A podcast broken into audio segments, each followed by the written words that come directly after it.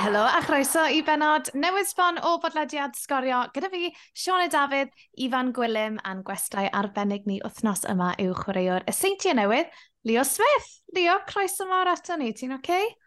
Dwi'n iawn, diolch, sydd chi? Da iawn. O'n i'n edrych mlaen at drafod tymor gwych y seintiau newydd gyda ti, Leo, wrth gwrs. Mae'n wythnos fysi iawn i'r seintiau newydd. Nath chi wario pen y bont pen wythnos diwetha.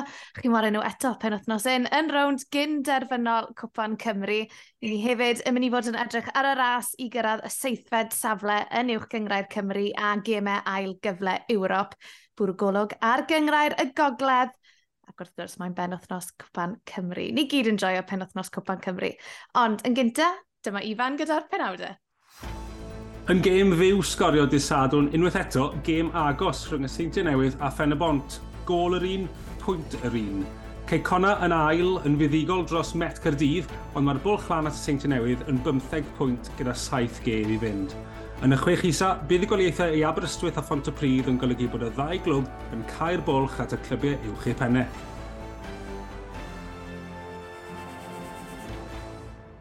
okay, Leo, fi moyn dechrau gyda cwestiwn pwysica'r penwthnos. Yw Ben Clark mas o'r lift? Yw e'n saff?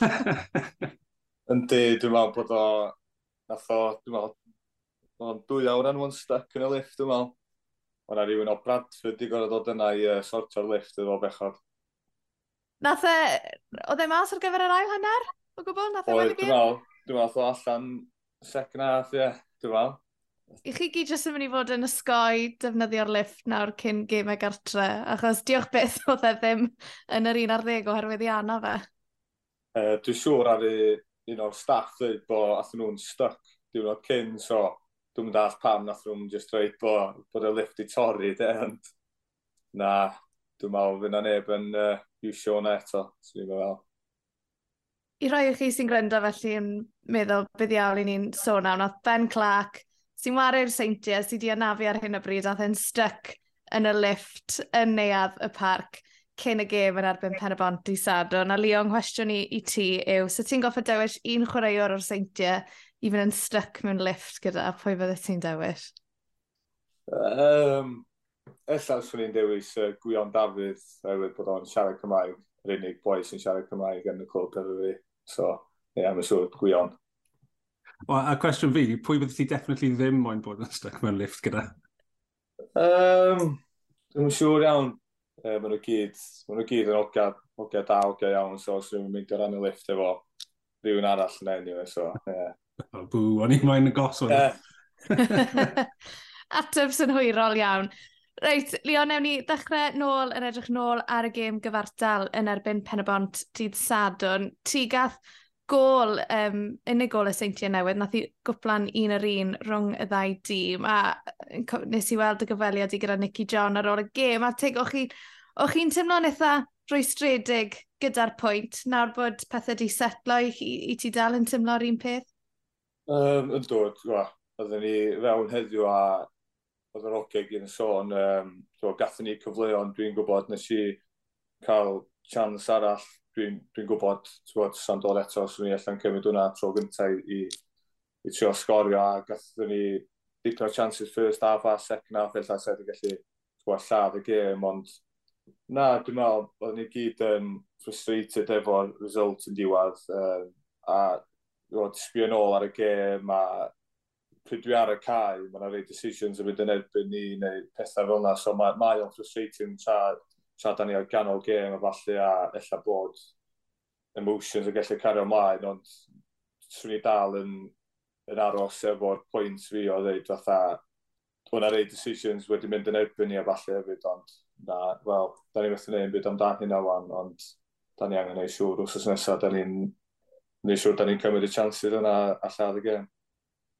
A beth yw e am Ben y Bont? Achos erbyn nhw beth di mi ddi'r seintiau, maen nhw'n tymlo fel nhw yw'r tîm sy'n falle yn llwyddo i fynd dan eich crôn chi tipyn, twyd, mae'r nhw gath, nhw oedd y record gorau yn erbyn chi um, yn hanner gynta'r tymor, a mae'r gêm mor gystadleuol, mor agos. Be ti'n credu yw e am, am Ben y Bont yn erbyn y seintiau? Dwi'n meddwl, um, ella'r ffordd maen nhw'n setio fyny, y ffordd bod nhw'n chwarae, um, dwi'n siŵr meddwl yn ôl am y gêm a da ni wedi chwarae yn pen y bont, mae'r cae yna i fi holl o wahanol i cael ni yn TNS o'r pitch ni fwy a falle, da ni'n gallu fod switcho play bach yn gynt, ond efo cael nhw bod o bach fwy llydan, mae ma bob dim jyst yn teimlo bod sgyn ti'n rili really llawer amser ar y bel, ti'n gorfod trio newid neu allan i tro dros pen nhw bach fan, ond Wel, maen nhw'n tîm da, maen nhw'n efo players da yna, maen nhw'n agresif, maen nhw'n maen nhw'n organised, maen nhw'n rheolwr da fan'na felly hefyd, ond ie, yeah, swn i'n dweud nhw di'r tîm lle maen nhw'n gallu dweud fatha'r gêm, ella fel first half y gêm, dwi'n blaen o'n i'n teimlo oedd uncomfortable, ond ti o hyn yn gwybod ella second half, maen nhw am cael chances yn y gêm i, i gallu cymryd nhw hefyd. I, i fi, mae ma record pen y bont yn erbyn y seintiau yn gret, ond dyn nhw dal ei bennill, a fi'n gwybod mae hwnna'n, falle bod pen y bont yn gallu mynd dan croen y seintiau, ond fi'n siŵr bod y ffaith bod nhw ddim yn gallu curo seidio, mae'n dan croen Rhys Griffiths lot. a mi'n gwybod hwnna yw'r un, mae fe'n falch iawn o'r record sy'n gyda nhw'n erbyn y seinti newydd, ond dod bydde fe yn cymryd buddigoliaeth unwaith dros dod colli un i ddim gyda gol hwy rhai'n brobl yn hanner cyntaf tyfor, neu gêm ddi sgôr, gêm gyfartal eto pan wythnos diwetha. Un buddigoliaeth, a fi siw bydd fe'n cymryd byddig, uh, dod, colled arall uh, tyd, wedyn ni, achos cyn tam nhw'n ennill, really meddwl lot. Achos, mae fe fel ni gyda Cymru Gwlad Bel, ac o'n i'n meddwl bod gyda ni record da yn erbyn nhw, ond pa ti edrych, actually, dwi e ddim mor dda hynna, achos maen nhw dal yn llwyddo i giro ni. Er bod ni'n meddwl bod ni'n neud, dwi ni'n cael dwy gêm gyfartal erbyn nhw, ond maen nhw'n curo ni. Dwi'n meddwl bod yn 2016 ys ni giro Gwlad Belg, a dyw, dyw y penabod beth di giro seitiau, da'n beth maen nhw'n moyn. Dyw, dyw, dyw tap on the, pat on the back ddim yn digon da. Triffwynt pan ymlaen. I mae'n o'n really harsh, I love it.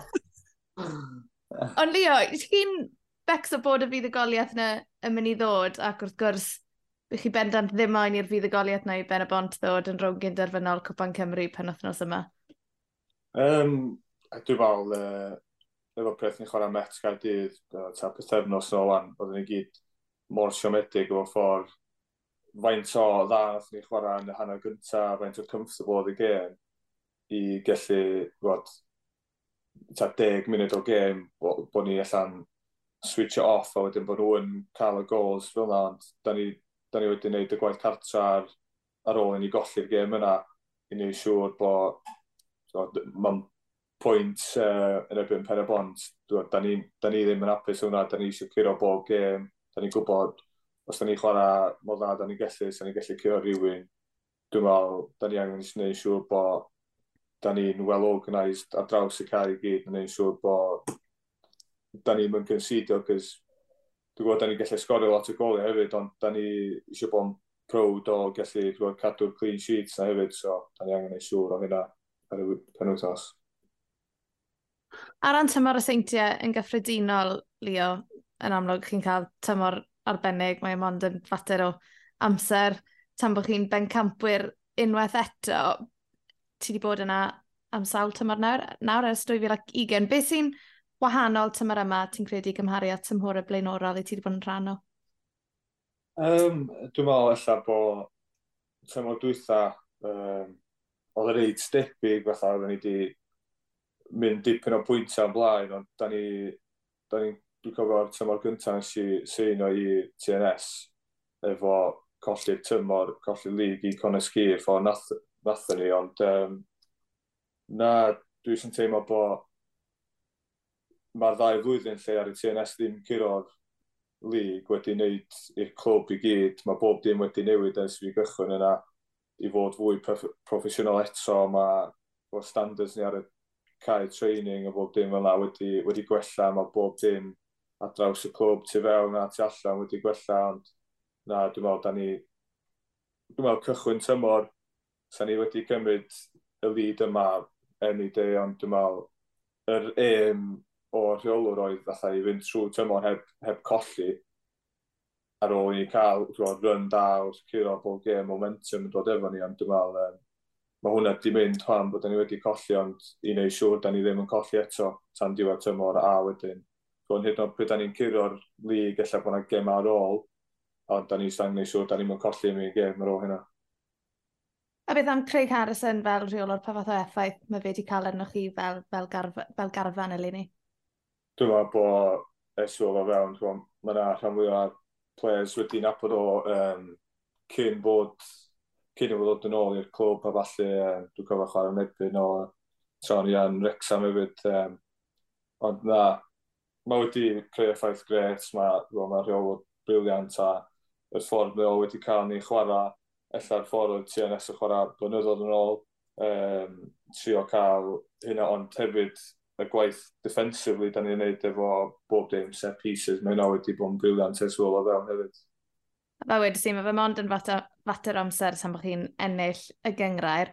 Ond mae yna gyfle pen wythnos yma i gyrraedd rown derfynol Cwpan Cymru unwaith eto. Hwna fydd y wobr os ych chi'n feddigol yn erbyn pen y bont amser cyn o dydd Sadwrn. Llynedd nes i wario yn y ffeinal yn Stadiwm Dinas Cyrdydd ennill tlws am y tro cynta i ti hefyd. Just pa fath o brofiad oedd hwnna? Chwarae yn y stadiwm, ond hefyd ble mae hwnna'n sefyll i ti o ran eich afbwyntiad yrfa di?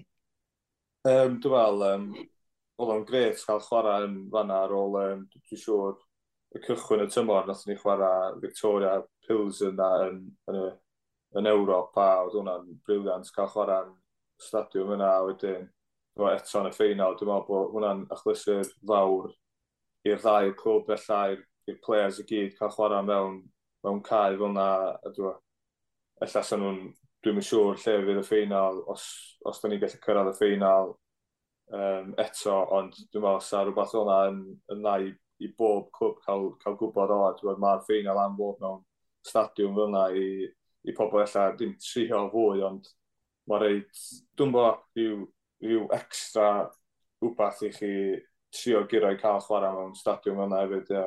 Ond i fi'n personol na, mae ers fi seinio'r clwb, dyna pam nes i, nes i fynd i TRS i, i cael curo trio gyro'r lig a cwpen ni hefyd, a dwi'n gobeithio allan ni gyro y cwpan a'r y lig y sefyllfa yma. Mae rai fi wedi, o'n i bach yn sceptical tymor diwetha pan nes i glywed bod e'n mynd i fod yn stadiwm Dinas Cyrdydd, ond ges i ymhrofi'n anghywir achos oedd yr holl brofiad fywyd y stilio, fi'n credu nath e chwynegu elfen special iawn, Ifan, sa'n siŵr os tawna beth o ti jyst yn mynd i weid, ond Ifan, siwr o ti'n, achos fi'n gwybod o ti'n gwylio'r gêm rhwng y seintiau newydd a pen y bont yn Stadiwm Dinas Cyrdydd tymor diwetha. Oedd hi'n dipyn o achlysur, nag oedd hi? Oedd, oedd hi yn. Uh, oedd e'n neis gweld tybed 2000 a hanner bron yna sydd yn, yn fraf iawn gweld ddim yn cael ffigurau yna yn aml. O'n i'n mor pigol ar y bydd Leon gweud hefyd am ti'r gêm cynt nath nhw chwarae yn y Swin Stadium yn efo'n Victoria Plagen, achos o'n i yn y gêm na hefyd, a o'ch chi'n wych yn y gêm na, twyd, o'ch chi'n peder i ddim lan ar un pwynt, a dde, hollol yn isgwyl. A mi'n cymryd bod hwnna'n rhywbeth arall, twyd, ti eisiau neud pan o ti'n ymuno gyda seintiau yw chwarae yn Ewrop. Ti'n bersonol, di'n cael perfformiadau da yn Ewrop, ond chad, dal heb wneud y step yna i'r grwpiau. Ti'n meddwl bod chi'n mewn safle da i wneud hynna, i gael good go yn Ewrop haf ma? Dwi'n rhywbeth chi'n siarad am beth yn barod? Dwi'n siŵr, um, Twod, mae bob, mae bob tymor, dwi'n meddwl bod TNS dyna di main aim TNS ydy trio gael fewn i'r group stages a, a dwi'n teimlo bydd y tymor dwytha lle athyn ni mor dda a ond dwi'n siŵr oedd ni yn yr um, uh, Europa League oedd So, dim bod y tîm yn haws na, ond dwi'n meddwl allan nath yr y dros neu pethau ddod yn bach well i ni na be oedd nhw blwyddyn yma lle dwi'n teimlo dwi'n sbio nôl ar gêm Linfield na home nath ni chwarae'n dda nath ni ennill 1-0 a wedyn i ffwrdd o yna oedd just mor siomedig y ffordd nath ni concedio, dwi'n meddwl last minute o'r gêm a wedyn mae'n mynd efo extra time a just yn llad momentum ni nhw efo dwi'n milodd yna watchad nhw hefyd. Um, ond dwi'n meddwl i fi'n bersonol sa hwnna'n Mod, dyna mae TNS isio. Dwi'n meddwl wedi gwario pres ar facility gym newydd, bob dim newydd i trio gael ni i pwysio i gael y group stages yna.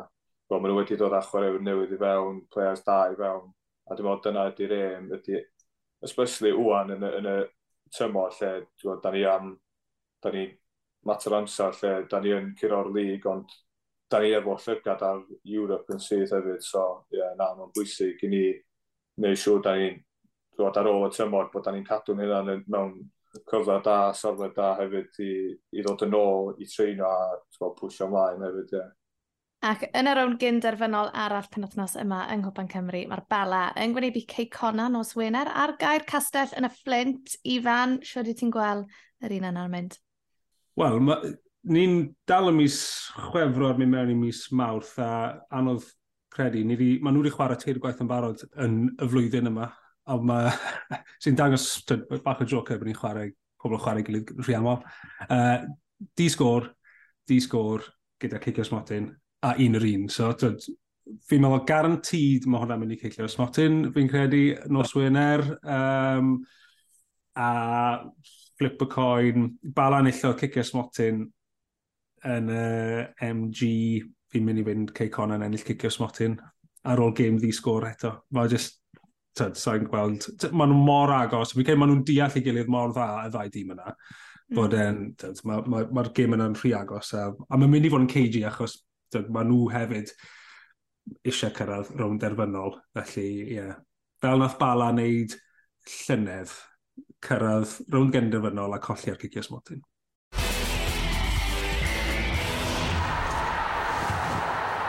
a fel wnaeth ni sôn ar ddechrau'r pod, ni am mynd i troi'n sylw ni as y ras am Ewrop, y seithfed safle ar gemau ail gyfle yn uwch gyngrau'r Cymru, achos Ifan, mae'n dechrau poethu yn y chwech isaf yn yr uwch gyngrau'r. Sut mae'n edrych o ran y ras na am y seithfed safle ar hyn o bryd?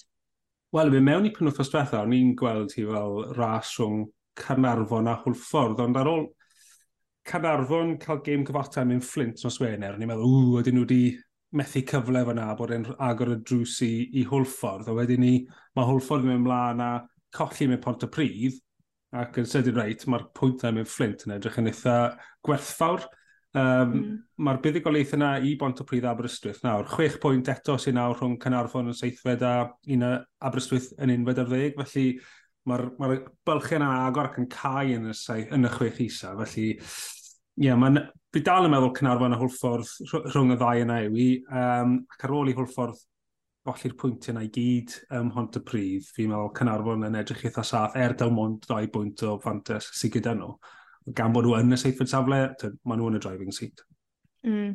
A Leo, i ti'n gyn chwaraeo'r Cynarfon, wrth gwrs, doedd Cynarfon ennill y gymau ail gyfle llynedd, ond be bydde fe'n golygu i'r clwb i wneud hwnna eto eleni a gobeithio cyrraedd Ewrop am y tro cynta?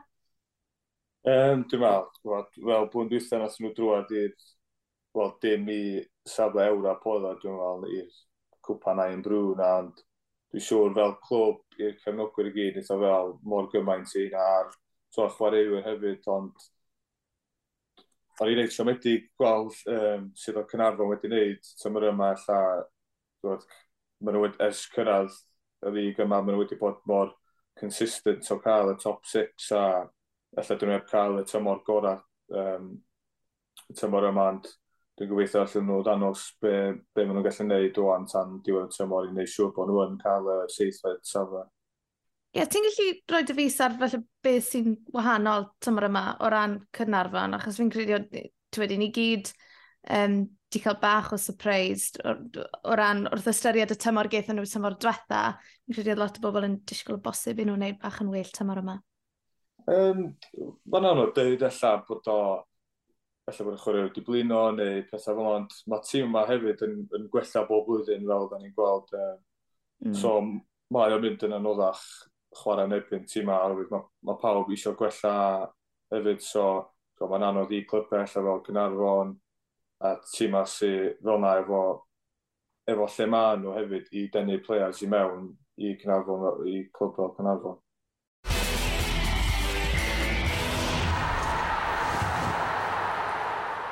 i ni wedi sôn am rydiadau bai Colwyn a Tryffynon yn barod ar y pod yma yng Nghyngrair y Gogledd, wel, maen nhw'n dal i fynd. Rhediad Tryffynon o 20 gêm buddigol yn olynol am y bai Colwyn a'r rhediad o 23 buddugoliaeth yn olynol hefyd.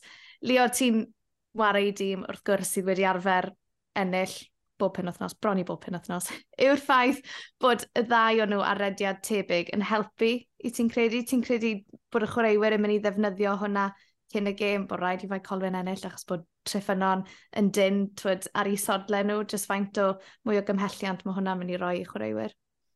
Yndi, dwi'n meddwl, um, ers i o Steve Evans yn dyna, mae o, mae o wedi arfer bod yn TNS ac yn cyrro ac yn bod yn competitive, so mae o wedi obviously reid stamp i hun, a, a da chi'n gweld efo'r canlyniadau maen nhw'n cael bob wsos, faint o dda maen nhw, maen nhw yn neud, a wedyn mae holi, wel, faint o dda nath nhw yn erbyn pen y bont, dwi'n gweld o'n ei reid siomedig, nath nhw ddim, ddim cael yr, um, y win yn diwedd hefyd, uh, so wedi bod yn neis cael clwb fel yna i wneud mor dda yn, yn, yn y cwpan hefyd, ond na, mae'n dangos faint o competitive ydy'r lig yna hefyd, um, bod bo tîma fel yna yn angen ei siŵr bod nhw yn curo gemau, cys dwi'n siŵr na EM nhw wedi i ddod i'r lig, lig Welsh Prem hefyd, so mae mae'n fath mawr i'r clwb a ers i Colin Bay ddod i Cymru, fel maen nhw wedi bod yn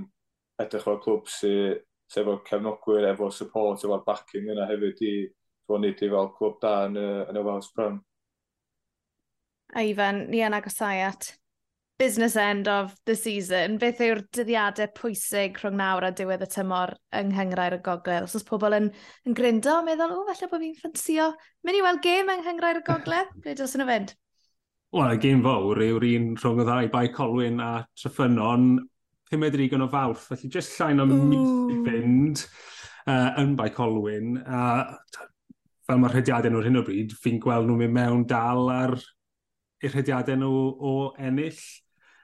Ar ôl hynna, dwy gêm sta by Colwyn yn erbyn Penryn Coch, hyn i gêm ola adre nhw yn erbyn Llandudno ar degfed o ebryll, sef dillun y pasg. yma. Hwna yw'r diwrnod ola i uh, cyngred er y gogledd. Penryn Coch yn safleoedd y cwmp ar hyn o bryd, felly ti'n disgwyl i Bai Colwyn cael pwyntiau gyd fyna. Felly mae angen i treffynon cadw trod ar y gas ac Ciro by Colwyn, ti'n meddwl, yn y gêm yna. Y Tryffynon dal angen chwarae yn erbyn Llandudno eto hefyd, a maen nhw mond yn chwarae 30 cynt, ebryll y seithfed, gwener y grogliff. So mae dwy gêm ola Llandudno yn erbyn Tryffynon a by Colwyn. Uh, di Llandudno hunain ddim allan ohoni eto, maen nhw'n drydydd cryf yn y tabl, maen nhw wedi curo Tryffynon. Maen nhw wedi cael gêm gyfartal i bai Colwyn yn barod, ond i fod dal yn y ras am y gyngred, yn dod mewn i'r ddwy gêm ola yna, ti'n meddwl bydd angen bod ffafr neu ddau wrth y tîmau eraill uh, sy'n chwarae yn erbyn Tryffynon a bai Colwyn. Uh, Leo, ti wedi gwario amser gyda Llandudno, do? Ti'n ti cadw llygad ar dy gyn glybiau di fel Llandudno? Um, dwi yn mwy wan hefyd, uh, mae uh, tynad o'n rheol o fi'n Cynarfon a gynnau Sean Cavanagh, Ryan, dwi'n abod dwi Ryan Williams, neu fynd i Llandudno sy'n ffrinda i fi. So, dwi'n dwi, edrych ar gemau nhw a lig gyna hefyd. Um, dwi'n abod Tom Creamer sy'n Cowan Bay, lle oedd o'n Exxon o fi. Uh, a dwi Port hefyd, dwi'n dwi, edrych ar gemau Port. O'n i'n mynd i ofyn, Leo, ti'n dod o Borth Madog. maen nhw wedi ennill tyrchafiad nôl i gyngor y gogledd tymor yma, ond maen nhw ar rediad da ar hyn o bryd, be ti wedi gwneud o'i tymor nhw hyd yn hyn? Dwi'n meddwl bod nhw, twa, ella sa'r clwb i gyd neu'r management neu be bynnag sydd yna yn, yn, yn edrych a, ac yn falch bod nhw wedi cael cychwyn da i'r tymor. Oherwydd bod dyn nhw ebrif i, maen nhw wedi bod ar hedad reis gwael ers dipyn rwan, so mae reis siomedig gweld nhw fel yna. Dwi'n meddwl na, dwi'n meddwl, jyst angen cadw, cadw'r ffydd yn, yn y clwb a neu siw bod ella go back to basics a neud siŵr bod, bo'r tîm yn anodd, bod yn anodd sgorio yn erbyn. Um, dwi wedi bod yn watcha'r ei gem a, a mae'n edrych bod bach rhy hawdd i tîm eraill o i twa, traeth, cael neis a chwarae'n chwarae erbyn port. Um, Dwi'n meddwl, players da yn port hefyd, ella bod nhw'n angen neud siŵr bod, bod nhw'n ba, bod bach, ella bod mwy fel, fel tîm, a lla, rhywun eisiau cymryd grip o rhywun a jyst neud siŵr bod, bod dim gweiddiad pobl, ond neud siŵr bod yna bach o leadership yna i, i stopio'r goliau mewn fewn hefyd. Um, mm. Dwi'n nath o'n golli 5 dim erbyn Chirk wrth dwytha alla.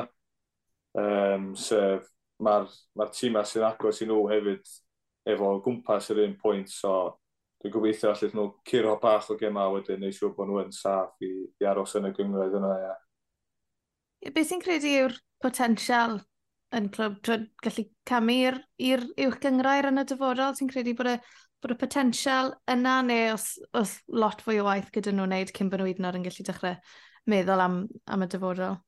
Um, dwi'n cofio bod well, hogyn bach yn rhyw atio port tra oedd rhywun uh, yn y gyngrair ucha um, a ar yr adeg yma oedd gen nhw academy da, o'na set-up da, Wel, mae'r clubhouse, mae'r cae yn lyflu, mae bob dim fel land.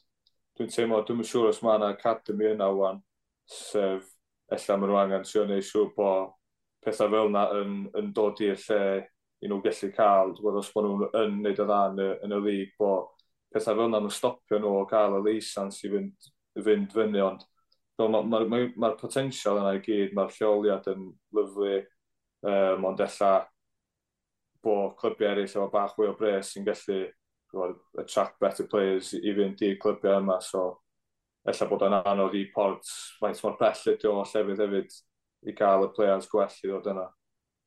Wel, dyna ni am heddi, Leo Smith. Diolch yn fawr iawn am gymryd yr amser i ymuno ni ar pod sgorio. Fi'n gwybod mae'n wythnos fysi iawn i'r seintiau a welon ni ti yng Nghaerfyrddin dydd Sadwrn. Felly, diolch yn fawr o pob lwc.